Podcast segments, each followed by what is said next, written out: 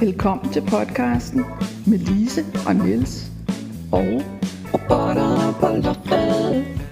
vi skal snakke science fiction noveller. De skal være gode, og de skal være på dansk. Der bliver svinkeærter, og der bliver spoiler alerts. Og måske bliver der også et grin.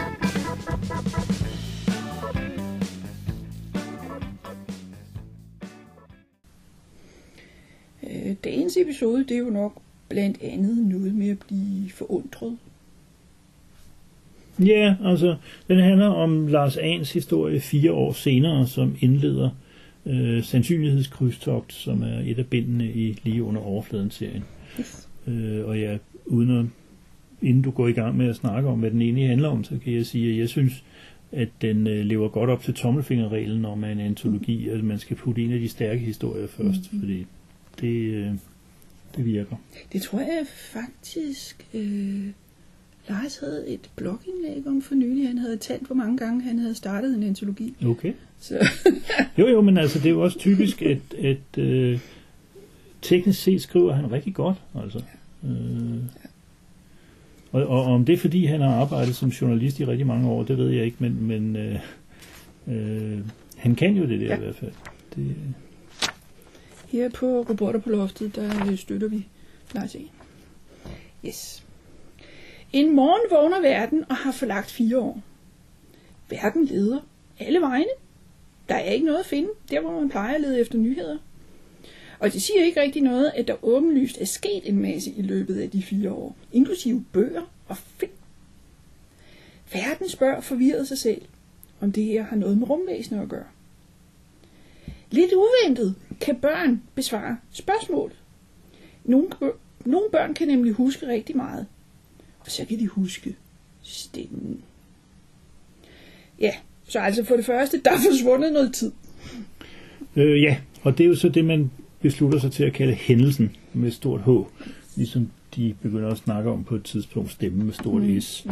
Øh, I denne her historie er, er Lars glad for at øh, sætte store begyndelsesbogstaver på signifikante fænomener. Oh, yes. Det er en, en øh, stil. Øh, men det er rigtigt. Øh, det underlige er, ja det ved jeg ikke, det underlige er vel i første omgang, at der er forsvundet fire år fra folks øh, liv. Men det mest underlige, eller det der er mere underligt, er jo, at, at det lader til, at verden er fortsat. Altså det er ikke sådan noget med, at der har været en stasis i fire år, og så, det, så hups, så hopper de ind igen. Fordi der kan man jo tænke på talrige historier, der handler om, at nu sætter vi tiden i stå, eller vi går ned i en øh, bunker, og når vi så kommer ud, så er der sikkert ikke sket noget, eller et eller andet.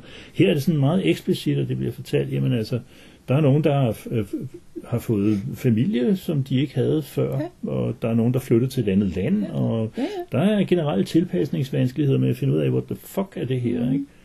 Øhm, og så er det, der kommer de der teorier, som du siger, øh, om der er nogen, der mener, det er rumvæsen, og der er nogen, der mener, det er guddommelig indgriben. Mm. Øh, og så går den etablerede videnskab i gang øh, med at undersøge tingene. Og sjovt nok, så konkluderer de, som der står ligesom sølvpapirsegmentet. øh, nemlig, at, at øh, der er sket et eller andet øh, Ja. ude, på en anden anledning udefra. Ja. Om det så er, at de er mest tilbøjelige til, til at snakke om aliens, øh, mm. fordi det, det er også, kan man sige, det forekommer mere videnskabeligt end, end øh, guddommelig indgriben. Mm. Og de snakker om Clarks tredje lov. Ja. Lars er god til at referere. Han er tydeligvis en, der kender genren. Det gør han også i andre historier. Og for dem, der ikke øh, kender det, så kan vi sige, det er den er formuleret af Arthur C. Clarke, øh, en ny af, nu afdød, øh, meget øh, vigtig, hård science fiction forfatter, som, som øh, formuleret af en, en hvilken som helst tilstrækkeligt udviklet øh, videnskab, kan ikke skelnes fra magi. Mm. Og det er den her idé med, at hvis du, det tror jeg ovenikøbet, det er et eksempel, som Lars også nævner, ikke? at hvis du står med en mobiltelefon over for, for en øh, indfødt fra en ø, hvor, hvor øh, kulturen befinder sig, øh, er anderledes indrettet og meget mere, hvad vi ville kalde primitiv, men det er ikke nødvendigvis de ville, men så ville de stadigvæk synes, at den der mobiltelefon eller ville være noget, det, det ville ikke kunne forklares, så det hang sammen med deres verdensbillede. Og når noget bryder med verdensbilledet, ligesom de her fire dage gør her, så er tendensen til at opfatte det magisk, Mm. eller som magi. Mm. Øh, det er en af hvad skal man sige, mange måder, som, som science fiction og fantasy kan ligge og boble op og ned mod hinanden i en given tekst, ikke? hvor det handler lidt om, hvad, hvad bliver der egentlig forklaret på tekstens niveau. Mm. Øh, Ja, og der, er- der er nogen, der aldrig besvarer spørgsmål. Ja. Øh, øh, altså Groundhog Day, vi får aldrig at vide, hvad der er sket. Nej, øh, vi skal sige, at når Lise siger Groundhog Day, det ved I sikkert godt, så mener hun den film, der på dansk hedder En ny dag truer. Mm, med Bill Øh, Murray. Med Bill Murray øh, i en af sit livs roller, altså, mm. øh, og Andy McDowell. Oh yes. øh, hvor øh, en person vågner op til den samme morgen Mm. hele tiden. Men i modsætning til, hvad folk har været ude for her, så ved han det. Alle andre ja. i hans univers ved det ikke, men han finder meget hurtigt ud af, at det er det, der foregår. Ja. Jeg tror, han skal igennem en Ja, han er 3-4 alene. ture, før han er klar over, Han er at der er noget om, galt. Ja. at, at der er noget galt her. Ja. Ja. Her er det hele verden, der har været ude for det Mhm. sammen, og det gør det jo på nogle punkter sværere at finde ud af, fordi Ja. du har ikke noget at måle dig op imod. Altså, øh, han, han kan, Bill Murray kan ret hurtigt finde ud af, at alle andre personer, de gør præcis de samme tåbelige ting, Ja. som, Ja. eller mindre tåbelige ting, men, men de gør de samme ting i samme rækkefølge, som de gjorde dagen før. Øh, men det ved de jo ikke selv.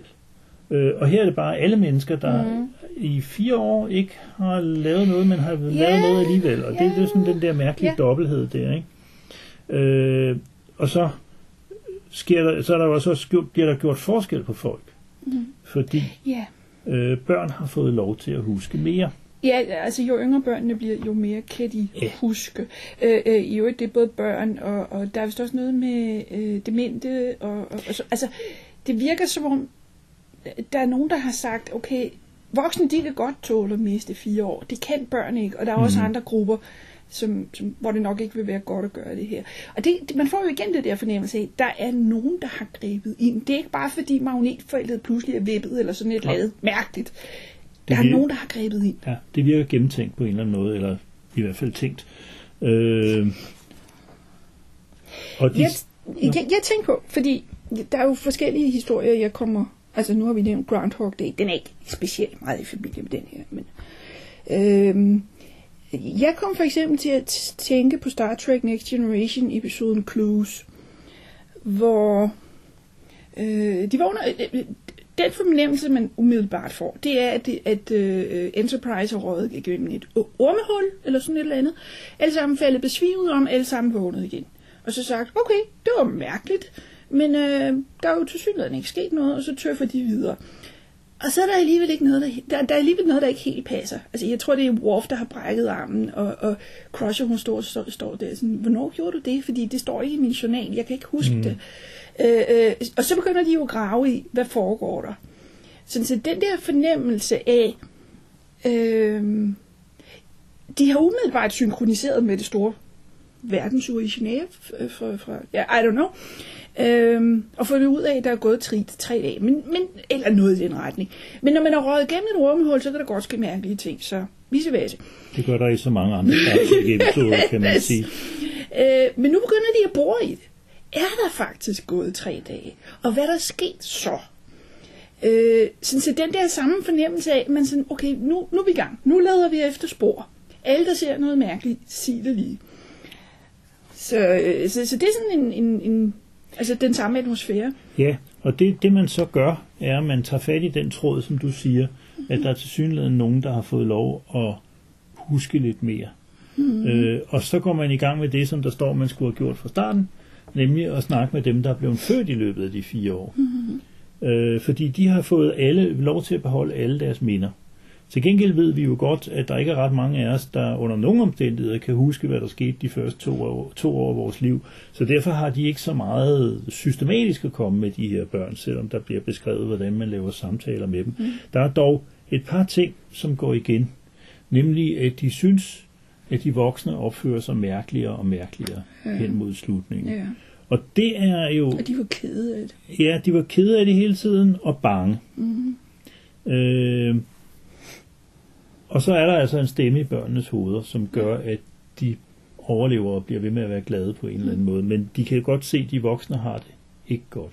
Og det er jo en, der, der skriver, skriver historien sig jo ind i en lang tradition for, hvad skal vi sige, øh, øh, kulturkritisk eller samfundskritisk øh, øh, mel- melantrist øh, kritik, ikke? hvor man siger, jamen vi har skabt en, en, øh, en kultur, hvor vi alle sammen går og stresser, og vi, vi får flere og flere, der bliver psykisk syge, vi får flere og flere, der får Øh, ja, nu bliver nævnt, navn, mavesår bliver ikke nævnt, men det ville den have gjort, hvis det havde været 20 år ældre historie. Ikke? Men altså, øh, at vi får flere og flere, der får det dårligere og dårligere. Og det er jo den måde, de vestlige verden kører på i øjeblikket. Altså, at der skal skrues op for hastigheden hele tiden. Øh, så hvis vi ikke bliver syge af det ene, bliver vi syge af det andet. Og derfor er de voksne hele tiden ked af det, og bange. Fordi det er jo også den effekt, den kultur har på os. Ikke? At man går rundt og er bekymret for dit og bekymret for dat. Øh, og øh, der synes jeg, at den, den er fin, fordi den gør ikke så meget ud af det, den historie der med det. Altså det bliver bare ligesom øh, et eller andet, på en eller anden måde derfor det sker, men, men ja. der bliver ikke gået i detaljer med, ja. hvordan vi har det dårligt. Og det Fordi vi ved det godt. Jo. Ja, vi ved det godt, ja. nemlig lige præcis. Ikke? Øh, og det synes jeg egentlig er fint nok, fordi det er bare lagt i, i munden på de der børn, ja. og, og det bliver ikke altså, det bliver bare, hvad skal vi sige, en, en, en formulering af historiens mm. kerne på en meget beskeden og stilfærdig måde. Ja. Så den der kontrast. Altså, det, jeg kommer også til at tænke på, da jeg læste den her, der er meget tell i ja. den her historie. Altså, normalt så siger man show, don't tell. Det er specielt inden for filmmanuskripter, men, men det bliver også til en vis ja, grad brugt over for litteratur. Ja.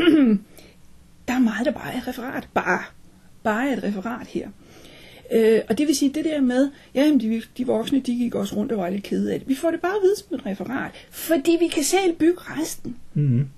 Ja, han behøver ikke at sætte en scene ind, hvor, hvor der sidder en samtale mellem børn og voksne. Det, det kan godt klares, mm. at, at det er referat. Men, men det er rigtigt nok, at det går lidt imod den, den tommelfingerregel, man, man mm. øh, bliver mere og mere opmærksom på, når man først har... fordi nogle gange så sidder man og finder ud, tænker på, hvorfor er den her tekst så kedelig, ja. eller hvorfor er den så dårlig, ikke? Og det er fordi den der balance mellem show og mm. til. Men det betyder jo ikke, altså som alle andre regler om den slags, så virker de kun til nogen gør noget andet. Mm. Ikke? Det er stadigvæk efter min mening en rigtig god hovedregel. Man skal holde tilbage på til yeah. og være opmærksom på show. Fordi det giver altså en mere bedre fiktiv verden. Men den her historie viser mm. jo, at det ikke er nogen øh, regel, der er uomgængelig, ligesom ingen andre regler er heller. Mm. Der er så en ting, en effekt af det her. Jeg får lyst til at puste den op til en roman. Men, øh, nu er det en pæn lang novelle, men, jo, jo. men øh, ja. det, der, der, der, der må være så mange små historier, man kunne... Ja, pyt med det.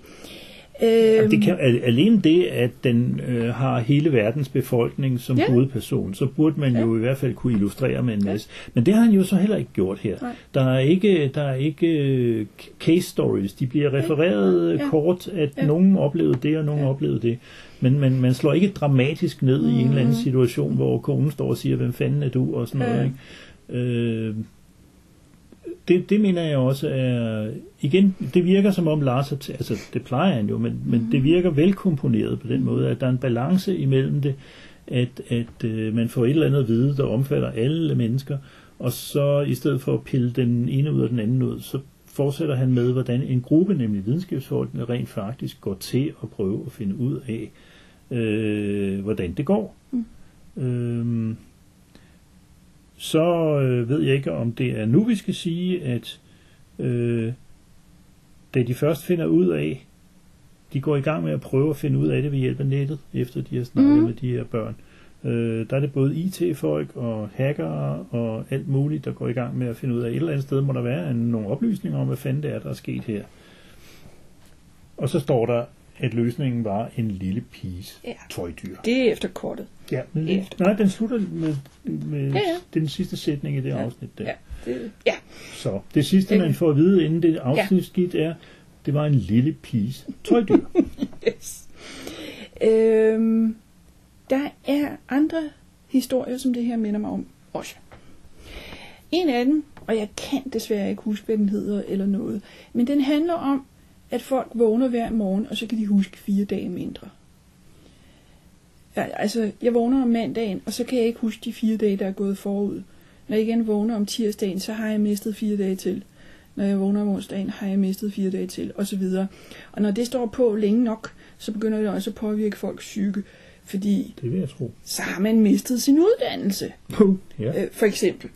Øh, hvilket gør det meget svært at prøve på at finde ud af, hvad man skal gøre ved det her. Fordi der er jo nogen, der siger, kan vi ikke prøve at bygge et apparat, og kan vi ikke prøve at finde ud af, hvad det egentlig er, der foregår her, om vi kan få det stoppet og sådan noget. Men det er meget svært, når folk bliver råt sagt dummere og dummere. Hvis de mister fire dage øh, Ja. ja. i, hver dag, ikke? men samtidig stadigvæk bliver biologisk ældre, det Ja. øh, Ja. er jo en pointe, Ja. fordi hvis de blev fire dage yngre, Ja. ja. så var det en anden slags historie, vi havde fat i. Men så kan man jo godt se, så er der en udløbsdato Ja. på det der. Og de får, får øh, udviklet et system, sådan med alle lægger en lille seddel til sig selv, så når man står op om morgenen, så hej, du er blevet x år yngre, øh, eller ældre, hvad du nu har lyst til at sige det. Du er x år ældre, end du tror, fordi der er gået noget tid. Så, så der, der er lidt den samme fornemmelse. Øh, også af, at jamen, jeg, jeg vil gætte på, at der er også nogen, der, der, der siger, sådan, der må være nogen, der har gjort det, men, men hvordan finder vi ud af det?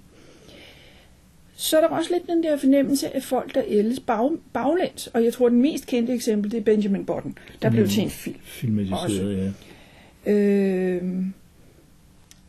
den, specielt som no, i novelleformen, der er pointen, at når man har den forkerte alder, om man så må sige, altså når man har, er, er gråhåret og opfører sig som en fireårig, hmm. så passer man ikke i. Nej. Og omvendt. Øh, ens familiemedlemmer bliver vrede over, oh, det er pjat der. Kan du ikke bare være den alder, du burde være? Altså. Øh, øh, så det er et lidt, andet- lidt andet take på det. Ja, men det er, når det kun er én person, der kommer Det er kun én person, ja. Øh, Øh, der, er, der er andre noveller, hvor det er hele verden, der ja. Ja. ældes baglæns. Øh, igen, jeg kan ikke huske, hvad den hedder, men der er en novelle, øh, som jeg husker den så meget for. Der er en beskrivelse af, at bedstefar han gik rundt og skrantede. Men, men så en dag, så falder han ude på, på fortorvet, og så får han det heldigvis pludselig meget bedre. Og, og det er jo fordi, det, det foregår i den omvendte rækkefølge af, hvordan det ville være hos os. Ja, altså jeg har også erindringer om, om, jeg vil sige talrige, fordi de ligner hinanden af helvede til de der historier med. Fordi et eller andet sted, når du først har fundet ud af, at, at du skal bare vende tidens pil, så bliver det sådan lidt øh, ens. Altså. Mm. Øh, og jeg har en erindring om en, som muligvis er J.G. Ballard, men jeg har altså glemt øh, titlen mm. i så fald, som jo ender med, at, at øh, man bliver, man, man bliver øh, jeg kan ikke huske, at man ligefrem bliver gravet op, øh, altså, øh, og er gammel og skrøbelig, og, mm. og det, det slutter med, at man, man øh, øh, uden at vide ret meget om, hvad der foregår, forsvinder op ja. i sin mor, ikke? Ja. som så i ni måneder render rundt med en stor maveblod. Der bliver mindre og mindre. Der ja. bliver mindre og mindre, Ja, ja, ja. ja. Ja, ja. Og, og for mig, jeg har altid haft et problem med det der. altså Benjamin Button kan jeg slet ikke se som science fiction, fordi der er ingen forklaringer, der er ikke noget. Altså, øh, det er bare, man sætter sig, i virkeligheden sætter man sig ned og laver et litterært eksperiment, Mm. øh, og siger, vi, jamen en af de mange parametre, man, man kan analysere frem i en tekst, i en fortællende tekst, det er, at der er et tidsforløb. Mm. Tiden har en retning, den går. Nu prøver vi at vente Ja. om og se, hvad der sker. Ikke? Altså, Og det er der- sjovt en gang måske. men- Ej, men jeg tror, at der var et par stykker, der gjorde det, så, så sagde vi sådan, okay, det, lad hold op med det. Øh, der er jo en, der, eller, der er nogle af de store fysiske ligninger øh, for, hvordan universet overhovedet fungerer, og sådan noget, hvor tid er et af elementerne, og hvor hvis man analyserer den ligning, hvad betyder det egentlig i virkeligheden, at den her ligning ser sådan ud, så kan man ikke rationelt nå frem til, at tiden går i den retning, som den gør. Der er ingen a priori retning på den vektor, der er tidens pil. Det har jeg også læst mm. om. Øh, det tilføjede argument, jeg har hørt, er, at det er kun entropien, der gør, at man Mhm. kan se, hvad vej vi rent faktisk bevæger Ja. os. Øh, men nu bliver det meget langhåret, altså. Ja. Øh, Men det er det, jeg tænker, det, er sådan, det bliver sådan lidt science fiction-agtigt. Altså, Ja, ja. At, at det er en lille smule dumpet ud af noget videnskab, det her. Så, mm, jo, så men det føles ikke sådan. fair nok. Fair nok. og jeg ved, det er et dumt argument, men det, Øh, og så endelig så har jeg lyst til at øh, nævne Hyperion. Fordi der er der en person, der ældes baglæns. er Dan Simmons. Yes. Det første bind, der minder meget om Canterbury Tales. Yes. Ja. Øh, hvor en af de personer, der kommer til den her planet, øh, er, hun, hun var, jeg kan ikke huske, hun var en ung kvinde, der havde fået sin uddannelse, var fuld gang med, et- med et spændende job og alt sådan noget, og så begyndte hun at ældes baglæns. Øh, og på det tidspunkt, hun når frem til, til de her tidsgravene, tror jeg, de hedder, øh, er hun en baby. Så nu haster det. Nu skal vi have det fikset, hvis vi skal nå det. Øh, så, så, og, og igen, det er kun én person, men, men det, det, det, er noget, der optager folk fra tid til anden. Så, men, men som sagt, det er en lidt anden klasse historie, den her, hvor man ældes baglæns. Øh, det her, det er sådan mere, i går der havde jeg fire år til sydenladende, og nu er de væk. Ja. Og jeg forstår for uroligelsen. Ja. Også fordi det der med, jamen altså, hov, har jeg et barn? Ikke? Ja. Det virker dog sådan, at så snart man faktisk ser det barn, så er man klar over, at man har det. Altså, Ja. øh, Ja. øh, øh, jeg tror, den der hacker, som, som vi kommer til at snakke om lidt senere, at han øh, øh, var, var en vild og uregerlig gå på værtshus-type, da han lagde sig til at sove, men nu har Ja. han pludselig kone og et lille barn. Ja, Ikke? ja. Øh, men da han ser konen og siger hej til hende, så falder det pludselig på plads. Ja. Så, så er han klar over, at han har hende. Mm. Altså, jeg tror ikke, han kan huske sin bryllupsdag, men, men Nej. det føles rigtigt, at han Ja. har hende og barnet. Altså, Ja. det, det, øh, så på den måde kommer ting sådan lidt øh, dumpende, altså. Det, øh. Ja. Men altså, hvis det er noget, aliens har gjort, så kan vi jo heller ikke begynde at forlange, at det skal foregå i en bestemt rækkefølge, som vi er vant til, vel? Altså, Det, det, jeg mener faktisk, det er noget af mysteriet. Altså, at, at øh, alle oplever, at de lagde sig til at sove, og da de vågnede igen, så var der gået fire år Ja. til synligheden. Og det er fuldstændig på tværs af tidszoner, og folk, der er gået sent i seng. Altså, det burde ikke kunne lade sig gøre det her. Nej, nej, det er jo ikke i samme sekund over hele jorden. Det er, jo, det er jo samme sekund i folks lokaltid. Ja. Altså. Og der er ikke den eneste, en eneste, der har grebet Twitter og sagt, øh, oplever I også, at i dag er mærkeligt. Øh, øh, I hvert fald ikke tid til, at nogen andre kan se det. Så, så hvad? Mhm. Så, ja. Øh, skal vi lade tøjdyret hænge et øjeblik? Ja, det gør vi. Ja. Så er vi nået til den del, der slet ikke har noget med dagens novelle at gøre, nemlig Svinkeærnet.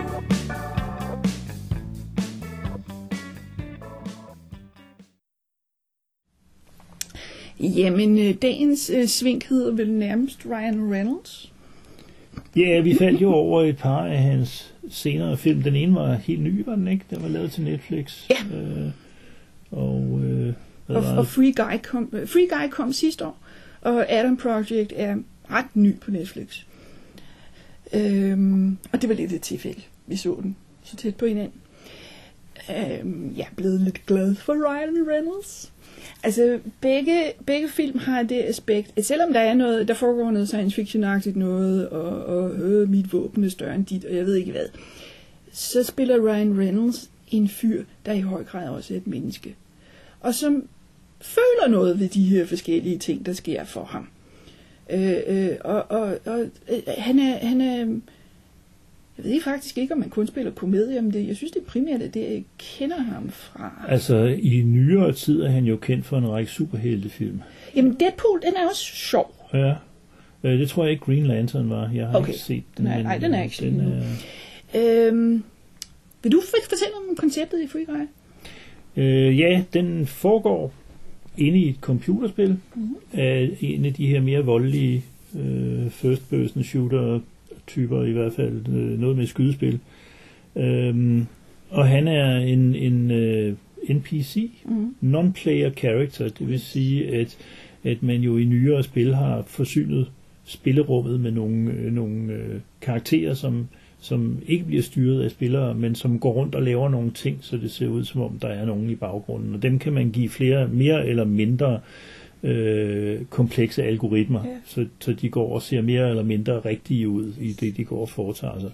Men der sker et eller andet, sådan så han får en bevidsthed. Ja. Øh, og øh, prøver så at finde ud af, hvad det er for et univers, han befinder sig i. Øh, og det er jo, kan man sige, det er familie, fam- familie med en række andre film, hvor, hvor man egentlig følger livet inde i, i øh, øh, cyberspace, eller i det her tilfælde et, et, et øh, spilunivers, ikke? Hvor, hvor karaktererne skal prøve at finde ud af, hvad deres virkelighedsstatus egentlig er. Og der er en romantisk historie involveret Oh, i den også, og alt sådan noget. Øhm, og så er der selvfølgelig rigtig meget ballade og tyvbang, fordi det er en, øh, et, et voldeligt actionspil, som, Ja. som i øvrigt er et øh, verdensomspændende online-spil. Ja, ja. Øh, som er ejet og drevet af en rigtig øh, øh, svumpeugel, Ui. som også skal, skal ned med nakken. Øh, men, men igen, det er jo lidt svært det der med de to forskellige niveauer, Mm. fordi øh, spillere fra det virkelige liv øh, tager noget VR-gear på, altså virtual reality-gear på, og så er de spilkarakterer. Mm. Men non-player-karaktererne i almindelighed, de aner jo ikke, hvad det er, der foregår. Der, er- de laver det samme hver dag. Øh, og, og, Ja, ja det, men det virker det som om, de, de er glade for. Altså sådan, jamen livet er, at jeg står op om morgenen, fodrer guldfisken og går på arbejde. Og i morgen gør jeg det samme. Er det ikke bare fedt? Jo, jo, men det er jo også sådan, at, at øh, man jo netop får det indtryk af, jo, de, de er glade nok for det, men, men når man ser det bare en lille bit smule udefra, øh, som for eksempel, da Ryan Reynolds person prøver at bestille noget andet kaffe på sin kaffebar, Ja. end han plejer, Ja.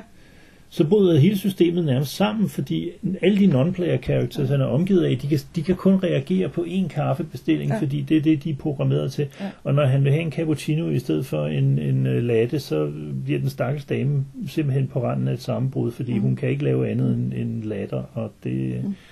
Så det, altså, det er jo meget en diskussion om fri vilje, og om, om øh, bevidsthed og identitet, mm. øh, som, som sådan nogle historier tit bliver. Øh, og jeg ved ikke, hvor meget vi skal røbe, men den ender i hvert fald semi-lykkeligt. I hvert fald øh, det dumme svin udenfor for kommer ned med nakken i hvert fald. Og Reynolds prøver ja. at, at, at rejse de andre non-player characters Ja, ja. til et oprør. Ja, og, ja, og, og sådan og, noget. ja, ja.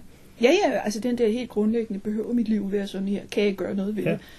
det? Øh, det minder lidt om Lego Movie. Ja, den øh, tænkte vi også på, men, Øh, mens vi så den. Den det- minder om øh, Ready Player One, fordi noget af den foregår ind i et VR-miljø. Øh, der er noget med Matrix, altså det der med at få at vide, verden er ikke sådan, som du tror, den er. Mm. Øh, det har folk i stribevis været meget hurtige til at påpege, at, at, mm. at altså, vi er ikke de eneste, der har set det her. Så, så det er fair nok, så hvis man kan lide de andre der, så, så er den her også en mulighed. Noget af Så det, har den mere humor end Matrix. Ja. Noget af det, jeg virkelig godt kunne lide ved den, det er... Altså, der er blandt andet, blandt andet en scene, hvor, hvor øh, Guy, som han hedder, der bliver spillet af Ryan- Ryan Reynolds, han er blevet forelsket, og midt i en slåskamp, så sidder han og kigger på sit livs kærlighed. Og hans ansigt er ved at flække, fordi han er simpelthen så lykkelig over, at han kan se, sidde og kigge på, at hun kæmper og er graciøs og rammer det, hun øh, øh, slår efter. Og, og det, åh, han er bare så glad. Ej, et godt ansigt. Mm. Ej, et godt ansigt, altså. Så, øhm, jo, Jo, men altså, han er jo en dygtig skuespiller. Udover, udover de der superheltefilm, så har jeg jo i hvert fald set ham i, i et par romcoms, altså øh, ja, helt uden Ja. øh, øh, superkræfter. Altså, Ja. det, og det spiller han også rigtig, rigtig godt. Fordi han er god til at spille den der bestemt ikke brovtende type, altså den meget øh, tilbageholdende Mhm. mm-hmm. og tænksomme og, og interesserede type. ikke? Så Den anden, vi har set, det var The Atom Project, øh, som øh, groft sagt handler om, at der er en fyr, som, som får fat på en tidsmaskine i år, jeg kan ikke huske, hvornår det er, og så rejser han x år tilbage og møder sig selv som barn. Det er sådan, altså, ja, der er en tidsmaskine Ja, ja. og laservåben og, og, og en skurk og, og jeg ved ikke hvad. Men det er kernen i det.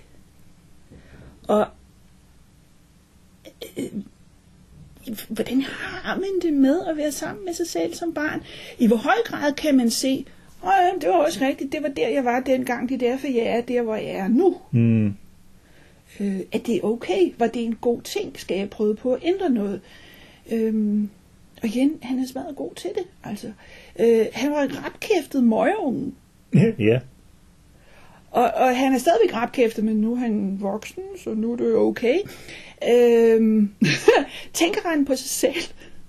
Ja, jeg er ikke sikker på, at det ville være en behagelig oplevelse, men det er svært at vide. øh, og, og den render selvfølgelig også ind i alle de diskussioner, som tidsrejsehistorier automatisk render ind i med, med kausalitet og øh, hvis vi gør noget her, ændrer mm. noget her, hvad vil det så betyde for der, hvor vi kommer fra og alt sådan noget der. Ja. Og, og det er der ingen speciel grund til at, at, at vade for meget i, fordi det er, som det nu efterhånden er fuldstændig blevet standard i de fleste tidsrejsehistorier, så, så det. Men den er, den er anbefalesværdig, fordi den er godt ja. spillet, og, og igen, han, er, han leverer en interessant ja. karakter. Ja. Og, og de, de er begge to komedier. Det vil sige, at man skal ikke forvente, at, at der er nogen, der stiller sig op og siger, det store spørgsmål her i livet, det er, det er en komedie. Og, og, øh, og hvad skal vi sige, om fem år, så vil jeg kunne have svært ved at huske dem fra alle de andre. Men, men den fornemmelse af, at Ryan Reynolds er i hvert fald en god ting for de her film. Mm. Så, øh, åh. Home, jeg har i mange år synes, han var en, en talentfuld skuespiller. Ja. Altså. Mm. Jamen, Ja, før vi får opklaret det med tøjdyret, så skal jeg bare sige, at næste gang snakker vi om Freddy A. Silvas Shenzhen Hardware. Håber, jeg udtaler det rigtigt. Hvis du lige husker, at Å skal skrives som dobbelt A, så kan du tweete til os på robotter på loftet. Skriv til os på robotterpåloftet at gmail.com og se hjemmeside robotterpåloftet.sciencefiction.dk Og så er der spoiler alert.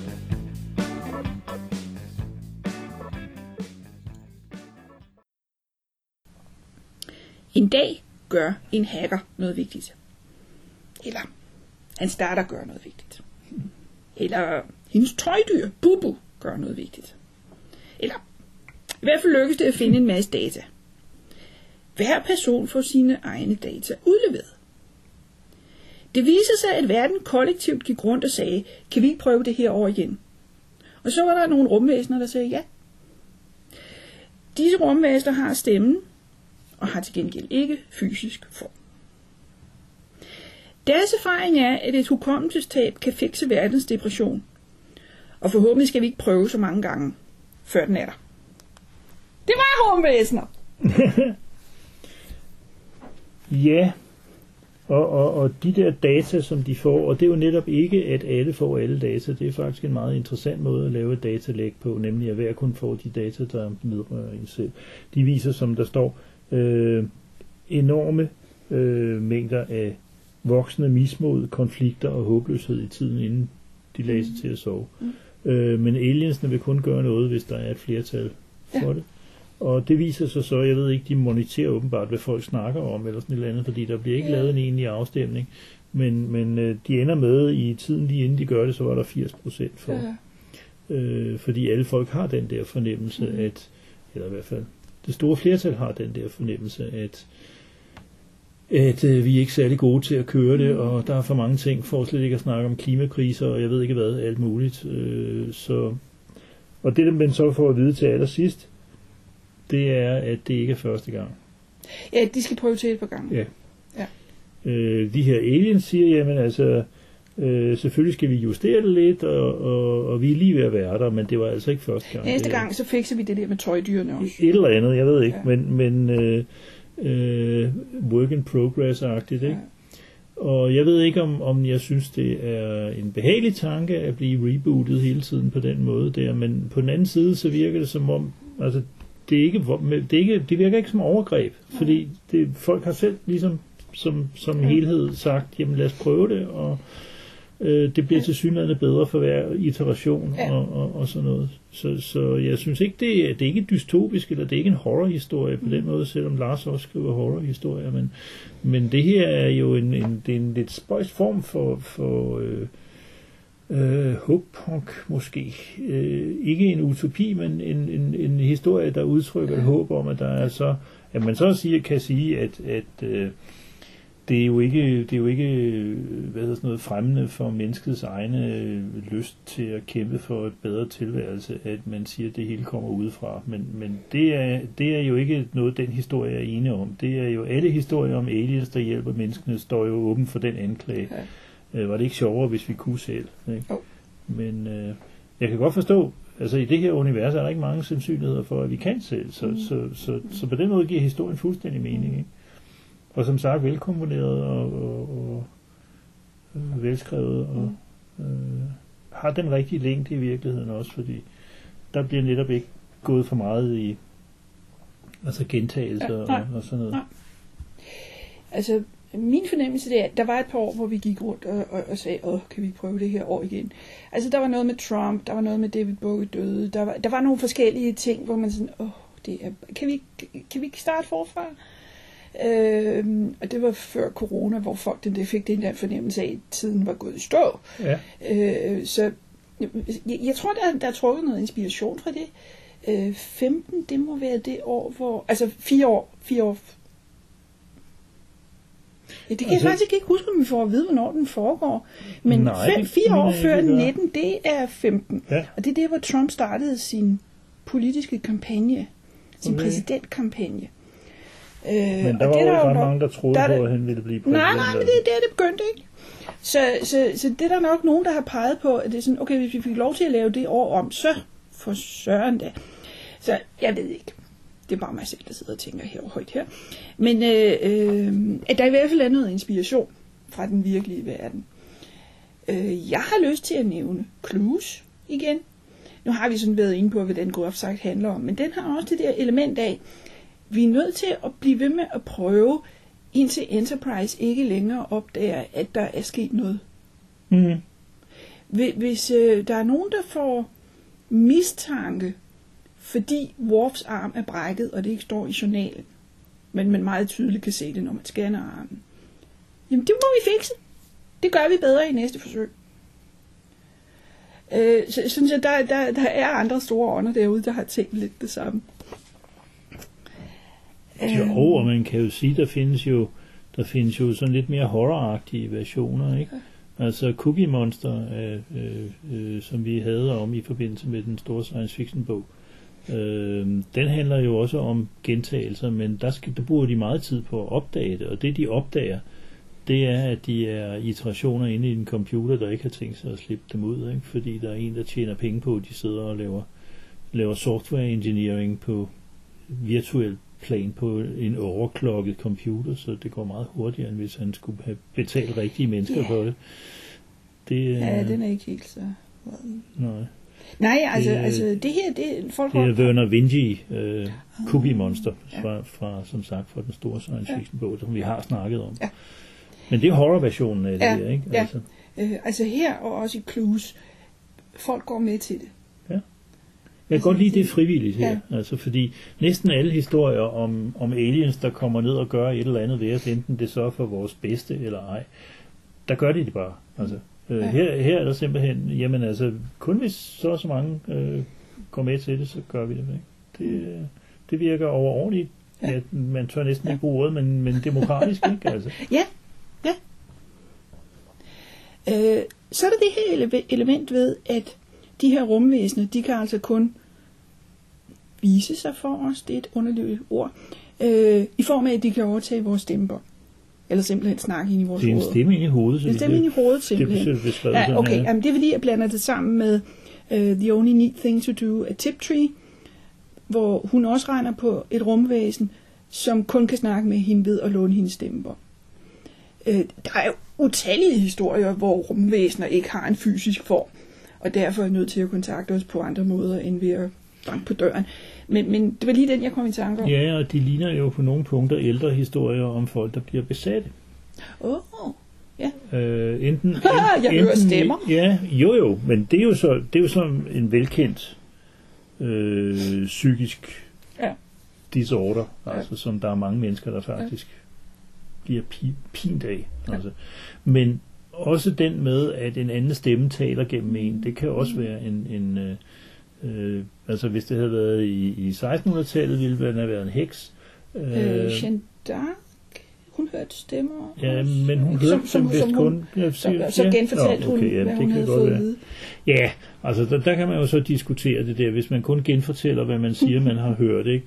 Uh, Hildegard af Bingen i 800-tallet, som var en meget uh, lært nonne, hun havde jo visioner og anfald og alt sådan noget, men det var jo kun hende, der vidste, hvad det var. Altså, Så hun kunne jo altid fortælle, øh, at nu havde, øh, nu havde de højere magter sagt, at øh, sådan og sådan. Ikke? Og det tror jeg nok, hun endte med at blive ret dygtig til at, at, at bruge. Men altså, det er jo ikke, fordi jeg ikke mener nødvendigvis, at hun havde nogle visioner. Men i et system, hvor, hvor det bliver tillagt en særlig metafysisk øh, magt, så er det i hvert fald fristende at lige sige, at hun har fået en vision om, at hun skal have noget bedre til aftensmad, eller sådan et eller andet. Jeg ved ikke, jeg, igen, jeg vil ikke, øh, altså, ja. Øh, men, men øh, hvad det var jeg sige? Altså medier, det er jo... Ja, fordi det var det næste, jeg skulle til at sige. I 1800-tallet, øh, slutningen i hvert fald af 1800-tallet, så bliver det pludselig, øh, der bliver en enorm op, op, øh, interesse for okkultisme og, og seancer og, og alt sådan noget. Og det er jo også, nogle af dem er jo legitime nok i den forstand, at det er folk, der faktisk hører stemmer og føler sig i kontakt med noget hinsides, der selvfølgelig nok ikke er der. Mens andre jo bare er nogen, der finder ud af, at det er også en, en måde at tjene penge på. Mm. Øh, men der blev jo lavet enorme indsatser derfra, ja igen, hvad skal vi sige, øh, hvad, de sidste to-tre årtier af 1800-tallet, og så i hvert fald frem til, til mellemkrigstiden, hvor, hvor der var altså selskaber for psykisk forskning og, og alt sådan noget. Øh, men, men det var mange af dem var jo eksplicit overbevist om, at det ikke var en guddommelig indgriben. Det netop var noget, der i princippet kunne håndteres videnskabeligt. Ja. Øh, så, så det er sådan lidt... Jeg ved ikke, nu er vi røget lidt ud af en Ja, tangent her. Ja, ja. Øh, Men, men det... Øh, øh, ja, fordi vi snakkede med rum... Vi startede med rumvæsener, som ikke selv har en måde at tale på, og derfor gør det ind i folks hoveder, eller låner folks stemme på. Ja, ja. Så, øh, og, og det er jo, altså jeg tænker, det er også den der, altså nogle gange så kan man have en fornemmelse af, okay, det var ikke mig, der tænkte den tanke, det var ikke mig, der ikke fik den inspiration, så smart er jeg slet ikke. Mm-hmm. Hvor kom det fra? Øh, så Jo, jo. Jo, jo. Så skal man jo bare prøve at huske at holde fast og sige, jo, det var mig. Men det var det ikke i den her historie. Nej, men som sagt, jeg men, tror, man kan opsummere det som, at det er en, øh, en øh, letlæst, men interessant øh, historie med en ikke nødvendigvis øh, overfladisk pointe. Altså, øh, igen, sådan som vi øh, har set det flere gange fra, fra Lars. Så, Ja. Ja, jeg tror, vi skal Og så får I ikke mere for den quaalude. Quaalude. Tror jeg ikke, du skal... Quadlude. Ja.